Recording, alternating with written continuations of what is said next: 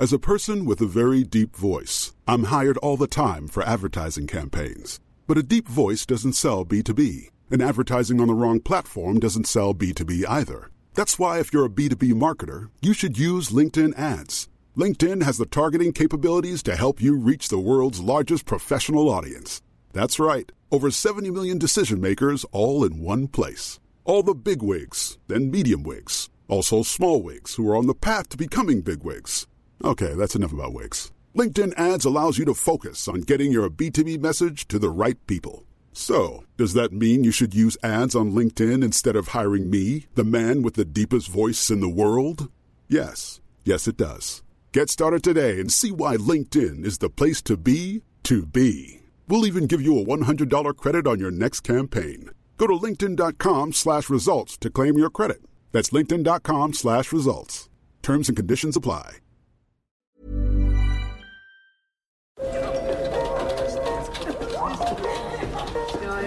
Dette er lyden av norsk næringsliv. Akkurat nå tas det små og store valg som kan bli avgjørende for fremtiden. Med økonomisystemet X-Leger tas disse beslutningene basert på informasjon i sanntid, slik at drømmer og ambisjoner kan bli virkelighet. Få kontroll og oversikt, gå inn på xledger.no. Denne sendingen er sponset av Xleger.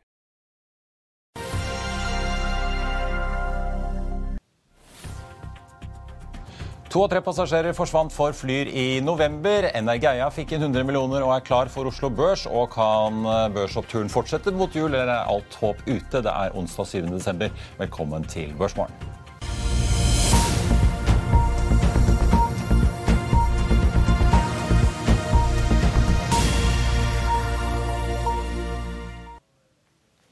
En riktig god onsdag morgen alle sammen, og velkommen til oss her i Finansavisen og Børsmorgen. Mitt navn er Marius Lorentzen, og med meg er aksjekommentator Karl Johan Målnes. Vi har to gjester med oss i dag. Først starter vi med Olav Kjenn i Storebrand, og så skal vi besøke av Hans-Jørgen Elnes i Winner litt senere for å snakke om trafikktallene som altså har kommet fra Flyr, og altså tallene som kom fra Norwegian i går. Vi så jo i går et ganske ustabilt marked på Wall Street. Det surnet jo allerede på mandag. Da var bare Boeing i pluss på Dow Jones-indeksen, og Dow Jones sendte ned 1,4 SMP nesten 2 og Nasdaq 1,9. Men det var da ikke nok til å utradele hele oppgangen fra forrige onsdag, da Jerome Powell altså talte til Brookings Institute i Washington. I går så vi derimot et nytt fall. Oljeprisen falt også kraftig tilbake fra nivåer på starten av året. Dow Jones-indeksen endte ned litt over prosenten. SMP 500 ned 1,4, og Nasdaq endte ned får vi si, to poeng til. Og oljeprisen sliter altså, til tross for stadige lettelser i Kinas koronarestriksjoner og lagertrekk i USA, så har prisen falt ned og ligger nå så vidt under 80 dollar fatet. Hvis vi ser det på spotprisen i, på Nordsjøoljen. Resesjonsfrykten i verdensøkonomien er åpenbart til stede, og et par timer etter at Oslo Børs stengte i går, så falt altså brentoljen under 80 dollar, og dermed er da hele oppgangen i 2022 borte. Nå ser vi spotprisen ligger på 79,51 akkurat nå i øyeblikket, ned 0,2 og Det er da to dollar under der vi så i går. Oslo Børs stengte også da ned litt grann i går. Vi må ta med et par nyheter som har kommet på morgenen. TGS og PGS har i samarbeid sikret seg førfinansiering til multiklientarbeid i Santos Sul, i det sørvestlige Santos-bassenget utenfor kysten av Brasil. Undersøkelsen dekker en 15 000 kvadratkilometer. Så er KMC Properties ute med en melding om at de har kjøpt en logistikkeiendom utenfor Narvik for 90 millioner. Der vet vi jo bl.a. at Aker holder på å bygge opp sin virksomhet innenfor bl.a. hydrogen. Så er teknologiselskapet Sikri ute med en melding. Deres statsselskap Metria, som de nylig kjøpte opp, har signert rammeavtaler i Sverige med en avtaleperiode på fire år og med en opsjon på treårige forlengelser. Til sammen er verdien 430 kroner, og den aksjen er jo da ned 62% så langt i år. Jeg nøttet jo i starten dette solselskapet Energeia har fått inn da 100 millioner i en rettet emisjon til 2,475 kroner aksjen, som vi snakket om her på mandag, da denne emisjonen ble annonsert og intensjonen da om å gå på børs. Selskapet bygger solparker i Norge og drifter i dag fire parker i Italia for Eam Solar der eh, sjefen i Energea, Viktor Jacobsen, også er sjef. Også virksomhet i Nederland og har også to anlegg i Myanmar. Selskapet skal bruke 50 av disse 100 millionene på å kjøpe et eh, nederlandsk drift- og vedlikeholdsselskap kalt ASN. Nedbetale lån til selskapet til sjefen i selskapet, og også et lån på 14 millioner da, til EAM Solar. Blant eierne finner vi bl.a. Sundt-familien. og Det regner, estimeres at første dag på børs da vil bli den 13. desember. Apropos børsnotering. Oppdrettsbiotekselskapet Benchmark Holdings melder at de har hentet nå 158 millioner kroner til 4,50 kroner i aksjen, og sikter seg inn mot NX Road de også, men ikke fra 13., men 15. desember. Dermed blir det et par noteringer på tampen av året, ser det altså ut som. Selskapet opplyser at emisjonen i første omgang ble gjennomført for å nå friflytkravet på Aeronext Growth. På eiersiden finner man eh, både Johan H. Andresens Ferd og Gustav eh, Witzøe.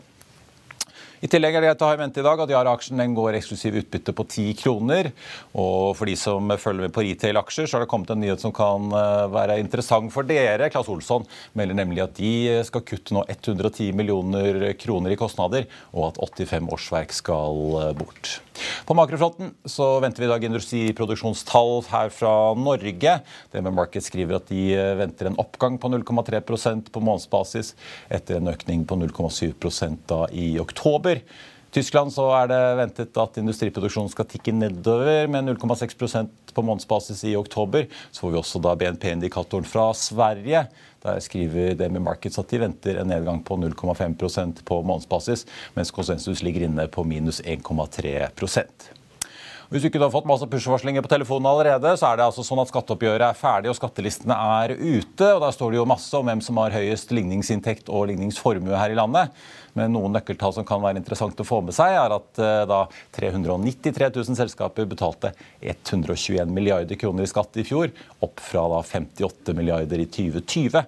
På toppen kom 299 milliarder i petroleumsskatt, som det var lite av i 2020. Og går vi på personer, så var det altså 4,2 millioner lønnsmottakere, pensjonister og pensjonene i næringsdrivende som eh, hostet opp da til sammen 637 milliarder kroner i skatt i fjor, opp fra 563 år eh, før.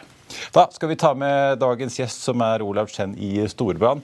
Og eh, Vi kan kanskje begynne Olav, med å høre litt om eh, utviklingen. For Jeg var inne på at oljeprisen har falt ganske saftig nå.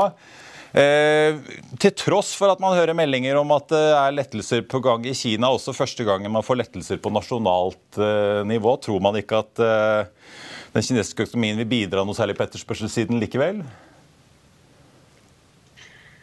Jeg tror eh, det er fortsatt en del usikkerhet på hvor mye de åpner opp. At det blir lettelser, blir det nok. Men at de går helt vekk fra den eh, policyen som de har hatt, eh, tror jeg det er få som tror. At det kommer fortsatt nye si, lo lokale nedstengninger osv.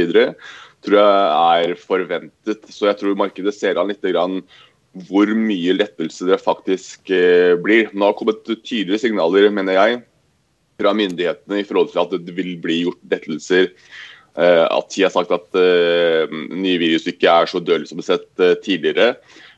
Men jeg tror markedet fortsatt avventer noe i forhold til en, hva skal jeg si, en klar normalisering som har sett i resten av verden. men jeg tror det kommer. jeg tror også de ser an noe vaksineringen som fortsatt ligger litt helt klart bakpå. Eh, men jeg tror uansett at de er nødt til å eh, åpne opp, som jeg så eh, tror ledelsen der eller Ki har innsett at det vil skje. Karl, det har vært ganske store utslag vi har sett i det asiatiske markedet. Når det kommer plutselig meldinger om at ting løses litt opp, så plutselig har vi sett liksom, noen av de store indeksene gå ganske mange prosent på en enkelt dag. Ja, det er store svingninger. så det... Det virker som at alle har den samme informasjonen. Så har du, Olav, sånn unike informasjonskilder fra eh, kontakter du har i Kina, som eh, kan eh, slå det som kommer i, i jevn takt? Jeg har ikke noen unike informasjonskilder, men eh, det er å heller se på hva skal jeg si, offisielle myndighetskilder. Ja. Bl.a. på Twitter faktisk, eh, så har du en del som er myndighetspersoner knytt, tett knyttet opp mot dem.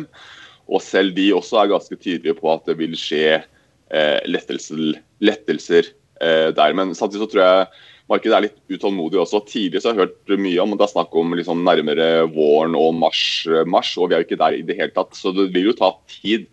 Eh, men jeg tror de mest ekstreme tiltakene er, har vi sett klare tegn på er i ferd med å lette eh, opp med tanke på den politikken der. Men, jeg, men samtidig så er jeg litt usikker på hvor liksom, hva, eh, hva er det, egentlig ønsker, hva er det man ønsker? Liksom, be careful what you wish for. fordi det er ikke helt entydig hva slags eh, effekt det vil gi på markedet. Selvfølgelig vil det bidra til mindre resesjonsfrykt i forhold til at du får høyere etterspørsel fra Kina og vekst fra den kanten.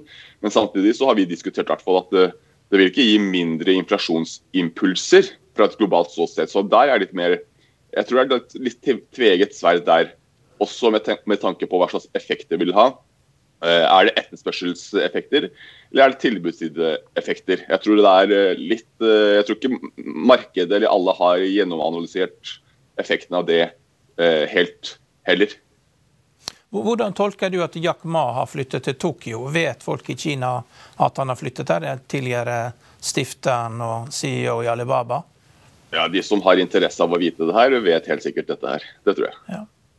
Men Olav, det er, jeg tenkte det er litt interessant, for at nå øh, er det jo sånn at veldig mange går og ser på klare tegn på at på, særlig da arbeidsmarkedet i USA, som John Powell er veldig opptatt av, skal begynne å bremse litt. Det var jo det var kanskje ikke så mange ting å holde seg fast i hvis man eh, går og venter på det på fredagens eh, jobbtall. Vi så liksom Yrkesdeltakelsen tikket faktisk litt nedover. Lønnsveksten er fortsatt solid. Eh, det skapes fortsatt mange jobber, selv om mange var i, i helsesektoren, men dog. Eh, men er det sånn at da, ja, som du sier at en, en gjenåpning av Kina det kan egentlig gjøre vondt verre, selv om man kanskje får løst opp i litt av de siste logistikkflokene som er igjen? At man e, egentlig ikke ønsker den etterspørselsdriveren? Ja, på, på, samme måte så er faktisk eh, de tallene også en sånn hårfin balanse. Eh, gode nyheter er dårlige nyheter, og dårlige nyheter kan være gode nyheter. på Litt avhengig av horisont du uh, ser på. Hvis uh, Tall var noe gode, ganske gode egentlig, men som du kanskje nevnte, lønnsveksten var noe høyere enn ventet. og uh, Fra et renteståsted betyr det at uh, det er mindre sannsynlig at de kutter renten, eller at rente, terminalrenten er høyere enn enn ventet. Men likevel falt rentene. Så er, markedet er litt i konflikt med seg selv også i forhold til hvordan helt man skal tolke dette her. Men jeg tror uansett det som er hovedkonklusjonen, er at en som vi har sett også fra børsoppgangen de siste månedene, er at eh, resesjonen i hvert fall i USA er ikke så nærme tid eh, som mange har fryktet tidligere. I hvert fall ikke fra et arbeidsmarkeds eh. Eh, to hovedfokuset i, eh, for neste år tror jeg er heller vekstfokus enn inflasjonsfokus. For jeg tror mange av de baseeffektene eh, vil trekke inflasjon klart ned. Ja, lønnsveksten er fortsatt høy, arbeidsmarkedet er for stramt fortsatt. Men hvis inflasjon kommer ned f.eks. på firetallet, fire-fem-tallet pga. rene baseeffekter, så kan markedene takle litt høyere renter. Ikke trippelheveringer og dobbelthever, men litt høyere renter litt lengre. Så lenge arbeidsmarkedet er stramt, fordi det er etterspørsel i økonomien. og Du, du tar vekk resesjonsfrykten noe. Så, men det er en hår, det er hårhårfin eh, eh, balanse her fortsatt. Med tanke på hvordan man skal eh, på den ene siden frykte for mye innstramming, og på den andre siden frykte en resesjon. Men de to tingene er jo også litt uh, gjensidig ekskluderende på hverandre også, egentlig.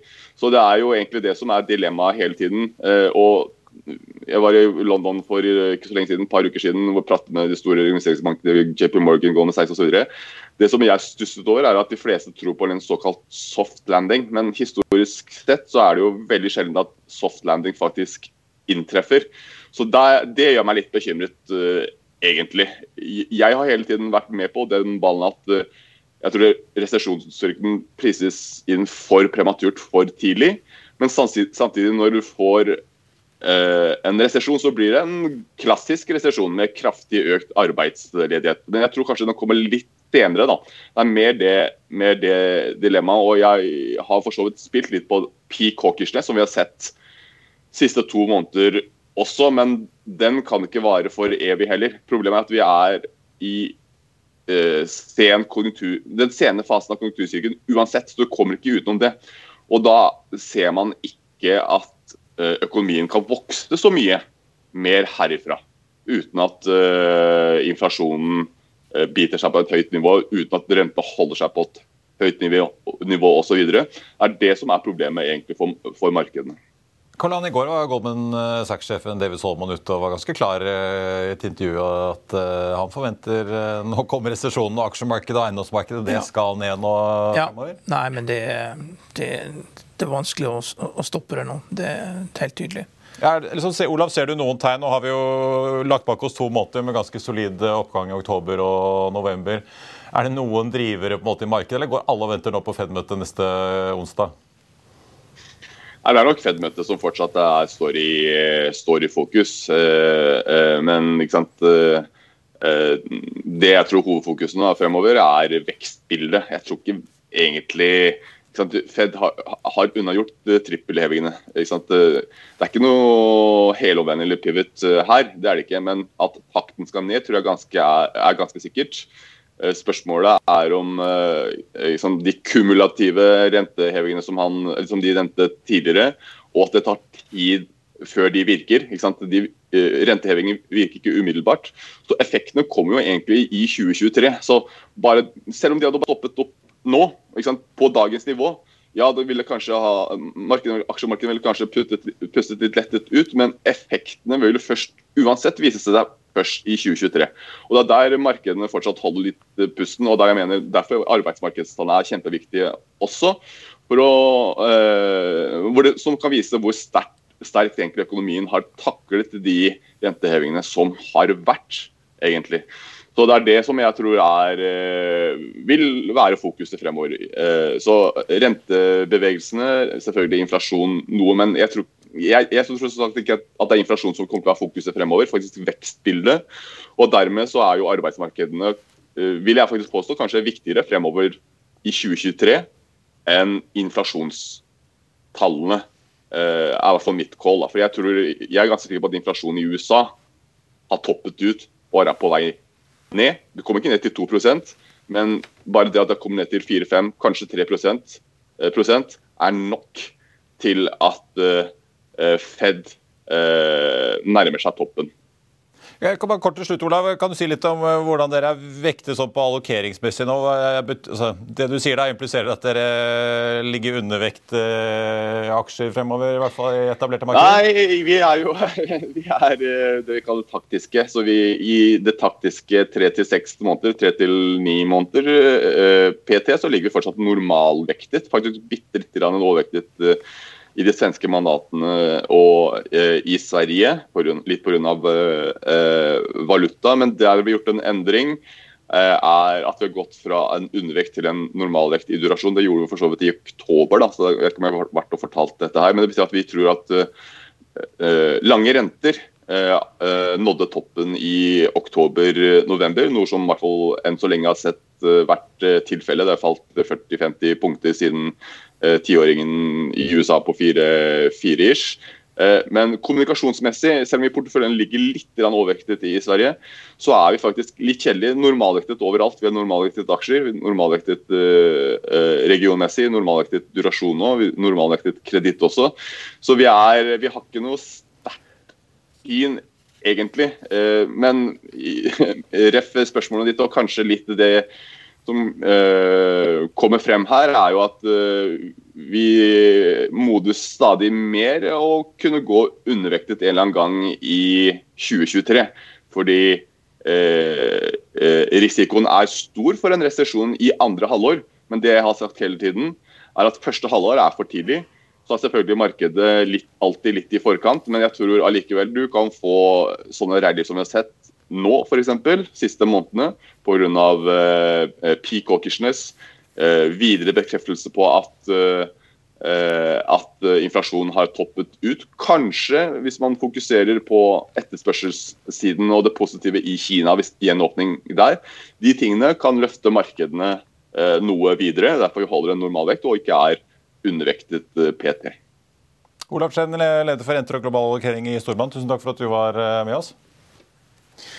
Oslo Børs starter ned 0,9 faktisk. Det ser ut som det blir en relativt eh, sur dag her hjemme da etter fallet på Wall Street i går. Vi skal eh, snakke fly rett etter dette. Vi er straks tilbake.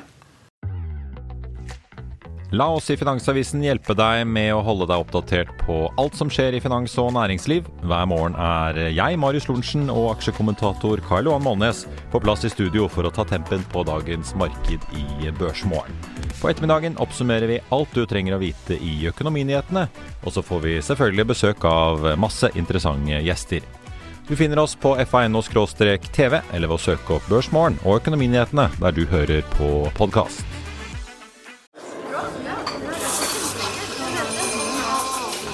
Dette er lyden av norsk næringsliv. Akkurat nå tas det små og store valg som kan bli avgjørende for fremtiden. Med økonomisystemet X-Leger tas disse beslutningene basert på informasjon i samtid, slik at drømmer og ambisjoner kan bli virkelighet. Få kontroll og oversikt, gå inn på xledger.no. Denne episoden er sponset av van Brun, en fremtredende smykkeforhandler kjent for sitt brede utvalg av forlovelsesringer, gifteringer og diamantsmykker som bæres og elskes i generasjoner. Et frieri er en av de største øyeblikkene i livet, hvor forlovelsesringen er et tidløst symbol på kjærligheten.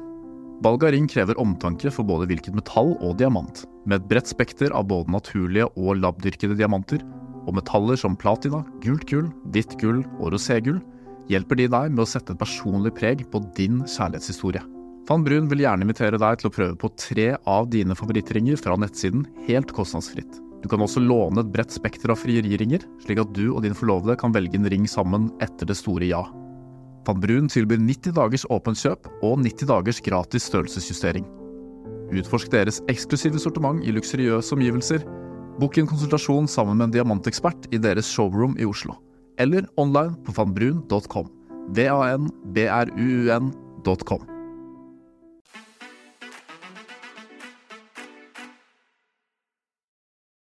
Da skal vi snakke fly, og vi begynner med trafikktallene til Flyr. Nå gjelder det å holde tungen rett i munnen her. Flyr gikk altså fra 186 600 passasjerer i oktober til 57 500 i november. En tredel, altså. Fyllingsgraden falt fra 81,3 til 77% idet altså Flyr iverksatte planen om å sette rundt halve flåten på bakken nå denne vinteren. Selskapet opplyser i en børsmelding nå på morgenen at de hadde fem-seks fly i drift i november av en flåte på tolv. Og nå gjelder det jo bare å komme seg gjennom vinteren. Hans Jørgen Elnes, konsulent og analytiker i Winner, velkommen. Takk skal du ha. De skriver ikke så mye om finansieringsprosessen som pågår i meldingen fra Flyr, men vi vet at det er jo kanskje det aller viktigste strengt tatt, om de får inn da mer enn disse 250 millionene som de har fått inn eh, så langt? Altså, det, Flyr må jo ha inn mer kapital ja. uh, her uh, ut på Du kan på, ikke overleve på den trafikken som de melder om nå i dag? Nei, vi, vi, vet jo det at november er jo en veldig dårlig måned for, for flyselskapene. Og det så vi Norwegian-tallene var også under press. Det var 500 000 færre passasjerer enn ja, fordi i oktober. Norwegian falt også fra 1,9 millioner i oktober til 1,4 nå. Ja. Cirka, og du ser at inntektene, enhetsinntektene det vi kaller gild og rask, altså de er også under press, for markedet er ikke der. og Da må man stimulere eh, etterspørselen med, med lavere pris. og Det har også Flyr gjort. Betydelig ned på den biten der. Og det slår jo ut på inntektene der. også. Det som Brede Huset sier nå i dag, er jo at han, eh, han begynner å få si, kontroll på cash burn, altså de pengene som flyter ut av selskapet på månedlig basis. og Det har jo normalt vært rundt 50 millioner. Så det som vi er veldig spent på, er jo hva er det vi kaller enhetskostnadene? Han, hvor langt har han klart å presse de ned? For det er det som avgjør liksom, hvor stort underskudd blir det måned for måned for, eh, for flere. Ja, han var jo her, Brede Huset tok jo over etter at uh, Tonje Wikstrøm Frislid gikk av uh, her fredag for en drøy uke siden. Uh, og De skryter jo at de er konkurransedyktige, selv om de er mye mindre enn Norwegian. Men altså selv Norwegian, du ser jo hvor mye drivstoffet svir. Jeg så bare kostnaden i tredje kvartal. 39 øre passasjerkilometeren, men det er X-fuel. Ja. Regner du med drivstoff, så var de på 0,68. Ja. Og, det er jo da, og, det er jo, og Norwegian tjente jo mindre enn det i november. De lå jo på ja, 0,59 hvis du regner med litt ekstra ombordsalg. Så de går jo også på en måte i minus. Ja da, eh, jeg har disse tallene kan si, både i, for, for, fjerde kvartal jeg så på, og, jeg så på Flyr, de lå på 0,39 ja. i enhetsinntekt.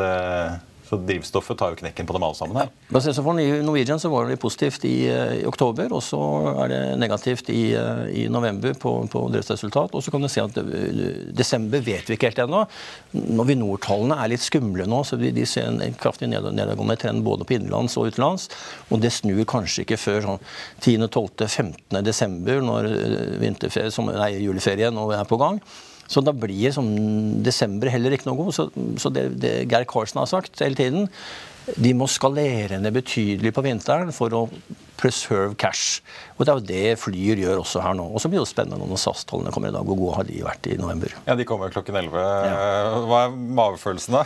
Ja, nå kom Svedavia, altså tilsvarende til Avinor eh, i, altså, ja, i, Sverige, kom med trafikktallene for eh, november, og det var faktisk veldig bra. Mye økning på utenlands og eh, brukbar innenlands. Så det er mulig at SAS måtte få en effekt ut av det òg, men også, de er også er store i Norge. Så altså, det blir en nedgang i forhold til de rundt to millioner som de har hatt i, i november, nei, oktober og september, det tror jeg. Men eh, jeg tror nok at de slår Norwegian i antall passasjerer i, eh, i november. Ja. Det, det, skjer jo mye ja, nei, altså, jeg, i denne jeg, bransjen. HSBC var ute og oppgraderte ja. Norwegian i går, for de mener at uh, nå er det lite konkurranse og ting kommer til å gå ganske bra. Så skal jeg finne kursmålet i notatene mine men de gikk ikke opp kursmålet og ja. sier fortsatt kjøp på Norwegian. Ja. Nei, det Norwegian er jo innerst i løken her. da. Eh, det er jo, det er jo Kampen står jo mellom eh, Flyr og SAS som skal hente inn penger. da. Og vi, Det er uvanlig at vi har hatt høy oljepris og svak økonomi. så vi vet jo det at Når du får nedgangskonjunktur, så faller marginene for de dårligste selskapene med helt opptil 6 eh, eh, De som har tidligere da var minst fuel-effektive, og litt mindre marginfall for eh, de sterkere selskapene. Og Dette vil jo komme nå også. Så De problemene som Flyr har, det vil jo komme over hele bransjen. Så de vil jo gjøre det vanskelig for SAS å hente inn penger hvis man ikke har bestemt seg for at man skal inn med penger uansett. Og det er, Danskene vel har ja, omtrent bestemt seg for? Ja. ja. Ja, og så er det, det er selvsagt det også at det er uvant å ha disse, hatt disse ekstremt høye oljeprisene. og eh, De kommer jo også ned, da, selv om at det, de fleste nordmenn ikke liker å se den sammenhengen. Blir det en nedgangskonjunktur, så faller oljeprisen. Den stuper. og det, Dessverre så er verden sånn, altså. Det er jo, efter Norwegian ligger jo så vidt opp i dag til 8,98 omtrent på kursen. HSBC borte i London løftet da kursmålet fra 14,50 til 15,40, sier fortsatt kjøp. Peker på at uh, likviditeten i Norwegian bedrer seg. Disse, og det er jo egentlig bare grunnen som de skriver, disse kortselskapene som begynner å slippe opp uh, likviditeten som Norwegian faktisk får pengene folk bestiller billett i. I motsetning til Flyr, hvor Brede Huset var ganske åpen på at han får ikke en krone, litt enkelt sagt, før, uh, selv om folk har kjøpt billett, før folk faktisk setter seg i flysetet og flyr. Nei, altså, det er jo en ganske annen virkelighet som disse to selskapene møter, for Norwegian har jo vært i den skvisen før.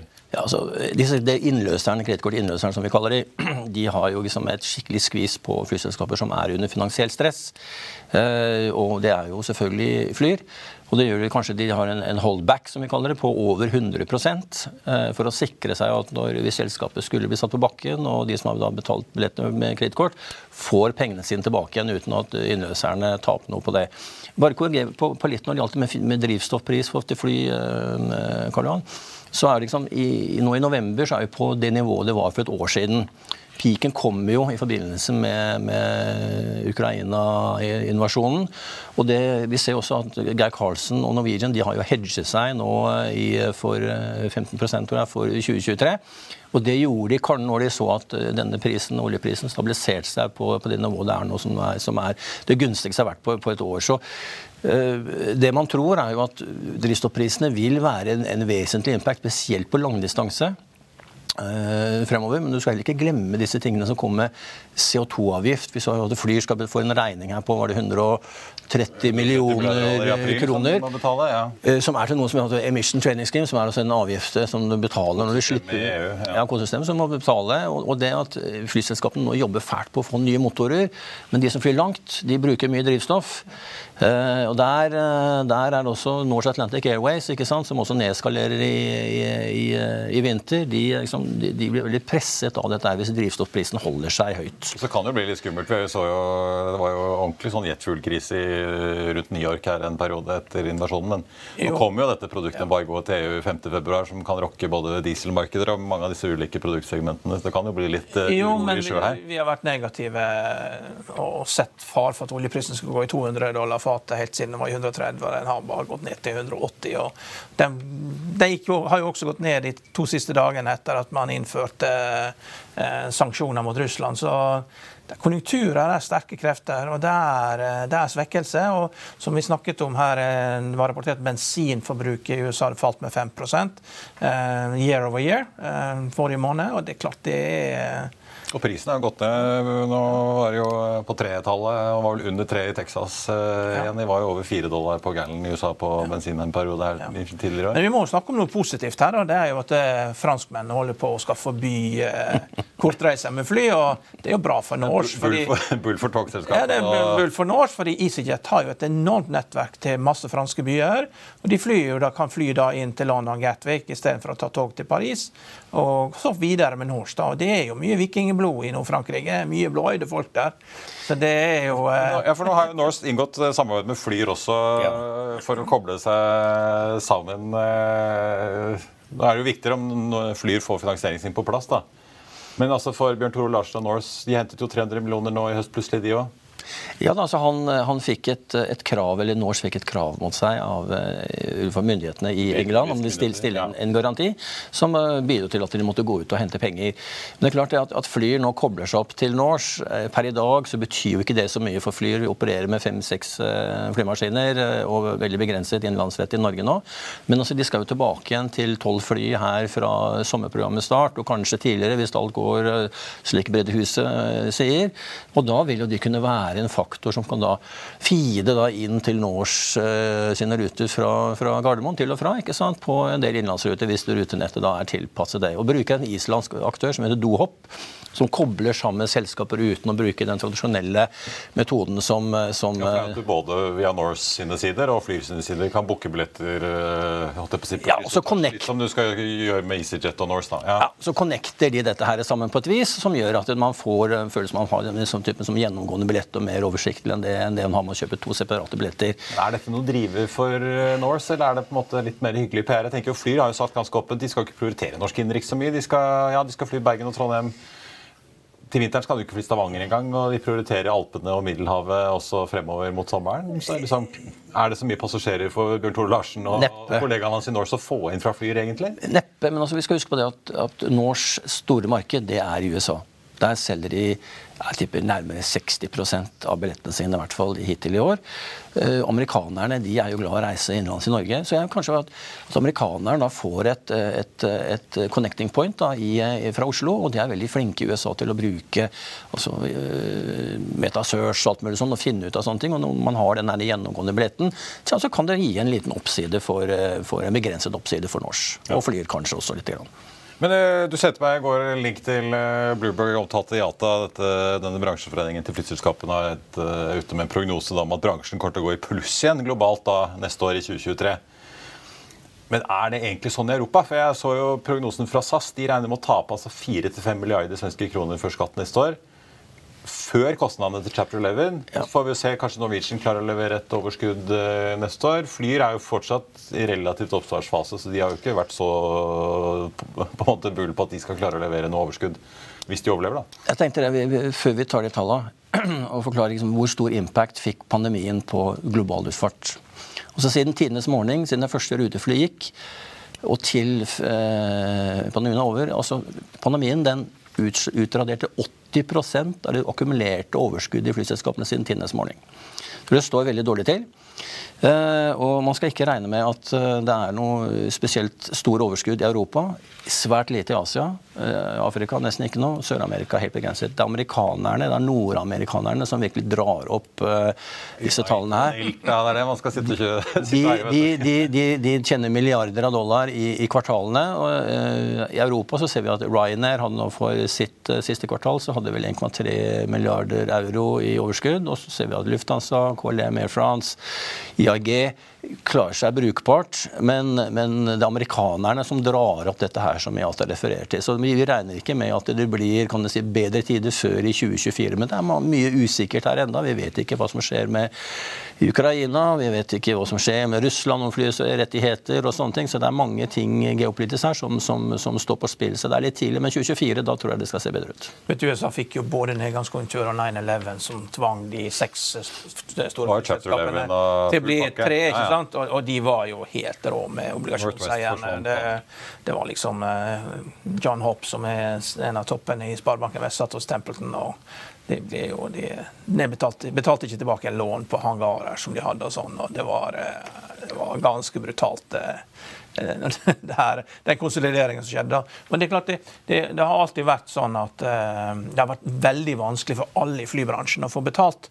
Uh, for det er så mange som skal betalt. Det er myndigheter, det er oljeselskaper, det er piloter, det er crew og sånn. Den som nesten alltid har vært sist, det er aksjonæren. Han har aldri fått betalt. Men i USA så har faktisk aksjonæren fikk betalt da før du kom til pandemien. Du klarte liksom å sette opp en struktur der at det, du endte opp med plutselig fløy du til Chicago og skulle videre til Austin, så var liksom 2000 dollar for en eh, middle city economy ned til eh, Og det er bare fordi at eh, tilbudssida har blitt så begrensa. De har styrt markedet og regulert tilbudet. Sånn at det du presser opp prisene på de som eh, må booke seint. Så har du fått disse Frontier og Allegiant og disse lavprisselskapene som har liksom fått yngle å vokse opp under deg. Ja. Ja. Ikke minst South, Southwest Airlines, som er ja. verdens største lavprisselskap. Men du snakket om pilotlønninger. Altså her, her, Delta kom her nå med en uh, ny kollektivavtale med sine piloter. De fikk en lønnsøkning på ikke mindre enn 34 ja. Og her, her, svarer da United og American Airlines ja, ja, vi, vi, regner med at vi må, eh, vi må legge på ganske mye òg. Så SAS kan være så happy da, at de fikk closa den dealen med pilotene i, i sommer og ikke satt og forhandla nå. Så hadde det kanskje vært i en, en verre posisjon. Det blir underskudd med piloter etter hvert som eh, businessen kommer tilbake. Jeg tror ikke det er så lurt å spare på verken pilotlønninger eller tannleger, dårlige tannleger. Altså, det er en del ting man må ha kvalitet på. Ja, ja, det er poenget, ikke sant? men det viser bare at eh, det er altså etterspørs, stor etterspørsel etter, eh, etter, piloter. Og det kan være en utfordring for, for eh, flyselskapene fremover. Liksom, hvem kan levere på det? For du, du, du må jo belegge, du må ha kostnadene dine under kontroll, i hvert fall i enkelte markeder. Men jeg lurte på, Kort om fly. da, Nå sier jo da Brede Huser at nei, mars måned blir en sånn make or break. Men altså, du har jo jobbet, du har jobbet i Ryanair, du har jobbet i Qatar. Du kjenner jo liksom mekanikken i de selskapene. Hvor lavt hvor, mye cash må Flyr ha før det er stopp? Altså, åpenbart er det jo over null. De kan ikke gå helt i null. Men altså, hva regner du som en sånn bare minimum at har de hentet 250 millioner, så satt de vel igjen med en drøye 100 millioner etter uh, tredje kvartal. Si de hadde 400 millioner, da, men altså, må, de, må de si stopp på 50 millioner? 100 millioner? Jeg tror ikke jeg skal si et konkret tall, for det er litt avhengig av hvilken avtaler har de med leasingselskapene sine. De leier, de har tolv fly nå. Uh, og de skal betales, og de har en avtale på hvordan det skal gjøres. Og jeg tror de følger veldig nøye med på liksom, hvordan er finansiell performancen til fly. Ethvert flyselskap må ha en, en minimumslønn, minimumkapitalbase. Og for SAS for eksempel, så er det lån, låne, lån setter krav til at du skal ha likviditet på sånn og sånn. Nå har vi ikke Flyr så mye lån, så det blir mer at de store kreditorene, sånn lisensselskaper, og drivstoffselskaper og sånn, kan ikke fly rundt med at du må gjøre opp fuel med du skal fylle opp 5000 liter drivstoff med kredittkort og sånne ting. Så det er, det er, en del ting som gjør at de må levere eh, altså At de skal komme noe særlig under 200 millioner eh, kroner, det tror jeg ikke de bør gjøre med 150-200 millioner. Møter de etter at skjer et eller annet, så går det jo brått slutt. De blåser jo 50, altså de har jo brent 50 millioner kroner i måneden. Og sånn på mine tall her sånn i, i november, basert på at de har en kostnad, da, eh, enhetskostnad på 0,65 så er det rundt en sted mellom 40 og 45 millioner, kanskje, eller i underkant av det. Har huset fått, fått presset ned til kanskje under 0,60 i kostnad, så, så, kommer den under 40 millioner. ikke sant? Men det, det, løper penger ut av selskapet fortløpende, og med de lave prisene de har nå, så kan de fylle opp flyene sine, ja, men det er fremdeles for lave priser. og Flyene har jo slitt med det hele veien, i tillegg til om de ikke har klart å fylle opp flyene sine. Så legger jeg merke til at det fortsatt er eh, hot å sitte med fly, for de klarer jo ikke å levere. Airbus kom med melding her i går. De leverte altså 863 fly i 2019, rekord. Så var det ned til 611 i fjor. Og nå varslet de i går at de ikke klarer å nå målet sitt om å levere 700 fly i år. Eh, de har foreløpig levert 565. Så å sitte på fly, det er jo lukrativt, da. Ja, altså, dette var, tro, det, det var en kjempesak eh, i den konferansen jeg var i i, i forrige uke. Var liksom leveranser fra både Boeing og, og Airbus for 2023. Og det er en spesiell sånn type Ryanair som skal ha kanskje 50 fly fra Boeing. Og det er helt avhengig av å få så mange fly for å oppskalere programmet sitt. Og de har jo planlagt det samme program, og får de ikke de flyene, så må de liksom gjøre masse grep på det. Det, det er det ene at de, ikke, de klarer ikke å levere, for de får ikke reservedelene pga. logistikkproblemer rundt i verden. Det andre er at fly trenger vedlikehold. Akkurat som bilen må vi EU-service, og må flyene med veldig mye oftere på service. Og de som driver sånn servicetjenester, de klarer heller ikke å levere. Normalt så bruker du kanskje eh, seks til åtte uker på et sånn tungt vedlikehold. Nå tar det åtte måneder. Og Da må du ta ut flyet av produksjon og skalere ned på, på det du har. og Det er et kjempeproblem for mange selskaper akkurat nå. Hvilket flyselskap ute i Europa er det som kunne hatt mest nytte av å kjøpe flyer og gått inn og tatt 50 nå? Hvilket selskap er det? Det, det selskapet som jeg hadde i bak, bakhodet når liksom flyer begynte å, å, ståle, begynne å ståle ut her, det var Ryanair. De kunne, hvis de hadde kjøpt flyer, så kunne de fått en fast track inn i det norske markedet med, med alt på stell, AOC, ansatte og alt dette her. Litt som de overtok uh, da, var det ikke det, til Østerrike? Ja, men, men flyer er kanskje det er, for, det, er, liksom, det er, litt for lite for Ryanair. Uh, og de har veldig mye annet å gjøre nå. Det er andre markeder som de, de ser de norske ansatte og fagforeninger? Nei, de, de, på en måte, de er jo kommet over det. De, er jo, de, altså, de har vært i forhandlinger i Skandinavia, i, i Danmark, med en eh, fagforening som heter FPU, uh, som i flere år for å få til en lokal kollektivavtale. Det må Ryanair få til eh, en eller annen gang i, i Skandinavia for at de kunne fortsette med den ekspansjonen som de, de har i dag. Men altså, det kunne vært en veldig veldig rask vei inn i det norske markedet. og virkelig, og, de, og De har jo samme type fly og alt mulig stemmer sånn. men jeg, jeg, jeg, tror de hadde vært der nå hvis de hadde virkelig ønsket å bruke den eh, døråpningen der. Det er jo ikke noen match mellom flyene til EasyJet og Flyr, men kunne, kunne, de ha tenkt seg å kjøpe det for organisasjonen og merkevaren og fått et merke til? Med Boeing-fly? EasyJet liksom, de leverte jo tall der. Det var jo ikke, det var ikke så veldig veldig bra tall. EasyJet har ikke hatt noe særlig performance i Skandinavia. Men jeg var på konferansen med Johan Lundgren, og jeg, jeg fikk en følelse at han hadde lyst til å snakke om nye markeder. Kanskje han ser på Skandinavia, men de har Airbus, mens Flyr har Boeing. Og, og, selskapene ønsker gjerne å ha enhetstype fly. Man må ikke ha det, men det er en fordel. Det, det, det er artig å se på. Jeg, jeg pendla ut til London i fire år. Ukependla med Ryanair fra Rygge. Kostnadsbevisst, dette. Ja, altså, det var de jeg mente jeg måtte fly med SAS. da jeg sa at det, hvorfor skal jeg gjøre det, dette er jo mye billigere. Ja, men, det, men, men det, det, du tydelig så, det er jo at uh, Ryanair er jo flyet for utlendingene. Altså Det er jo 70 avganger fra Stansted før klokken syv hver lørdag morgen, og halvparten av stedene har du aldri hørt om. Det, mens engelskmenn de flyr med EasyJet. slik at når du da har svakhet i britisk økonomi, så lider EasyJet. Uh, mens Ryanair er jo, det er jo immigrasjon og flyt i arbeidsstyrke. Så at de helt tatt tatt overlever etter brexit, det er jo et under. Eh, når du har så enormt fokus og så mange utlendinger som bruker det. nå. Du kan si sånn at Ryanair har, eh, har nå hatt 3000 flyruter daglig. De er Europas klart største ja, flyselskap. 500-600 fly eller hva det er, ja. Og, og, du kan si at SAS, eh, kikka litt på SAS performance her nå, de hadde rundt en 560 daglige flyruter og den siste uken.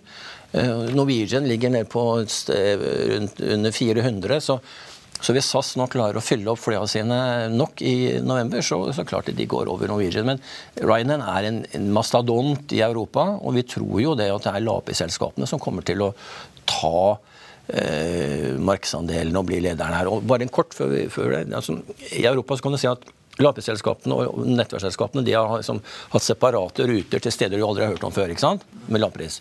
Men nå er det konkurranse på 72% av rutenettverket hvis du på nettverksselskap type SAS, KLM, France, Lufthansa og lampeselskapene. Så de er head on på der hvor eh, de ikke var tidligere. Så det er ikke bare steder verken Karl Johan eller jeg har ikke har hørt om før, som Ryan eller de andre selskapene flyr på. Hans Jørgen Elnes, eh, tusen takk for at du kom innom. Vi rakk ikke å snakke om Taiwan Semi, men der eh, kommer det en ny fabrikk i Arizona, annonserte Joe Biden i går, ja. Karl Han. Så det, vi kan snakke om det en annen dag. Vi tar en annen dag. Ja, Mange milliarder dollar som skal investeres, i hvert fall. Tre nyheter på tampen. SEB oppjusterer kursmålet på Frontline fra 180 til 190. Inntar sin kjøpsanbefaling. Aksjen ble omsatt i går for 134,70 og aksjen var ned nesten 5 I går så er det Kahoot, da, hvor Jan Hautemann Andersen fortsetter å selge unna aksjer via investeringsselskapet eh, Datum. Det begynte med 100 000 aksjer. I går var det rundt 200 000 aksjer, og i dag ser det ut til at 800 000 aksjer til har gått ifølge aksjonærlistene til Oslo Børs. Så får vi også ta med Aker Carbon Capture har blitt valgt som partner for å tilby en eh, feed-studie for Runcorn CCS-prosjektet ved Liverpool for karbonfangst, altså. Anlegget skal være en av de første storskala karbonfangstprosjektene i Storbritannia og Europa, i tillegg til da Brevik her hjemme. Det var børsmålen for denne onsdag 7. desember. Hovedvekst på Oslo Børs ned 1 nå. Husk å få med deg Økonominyhetene 14.30. Der skal vi høre fra en av de her i landet som kjenner Venezuela best, om hva som nå rører seg på bakken, og om USAs åpning av sanksjonene kan føre til en gjenoppblomstring av oljesektoren. I mellomtiden så får du sist nytt på F1 og gjennom hele børsdagen. Ha en riktig god dag alle sammen. Takk for nå.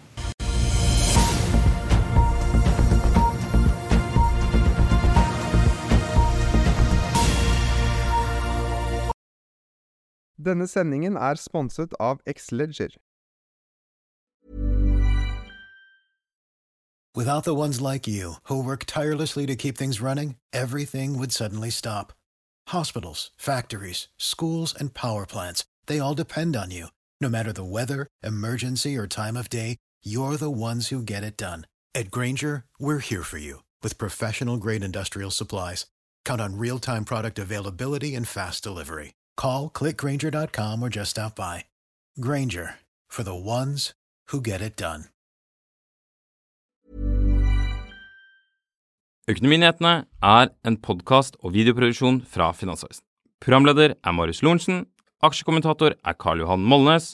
Produsent er Bashar Johar. Podkast- og videoansvarlig er Marius Mørk Larsen. Og ansvarlig redaktør er Trygve Hegnar.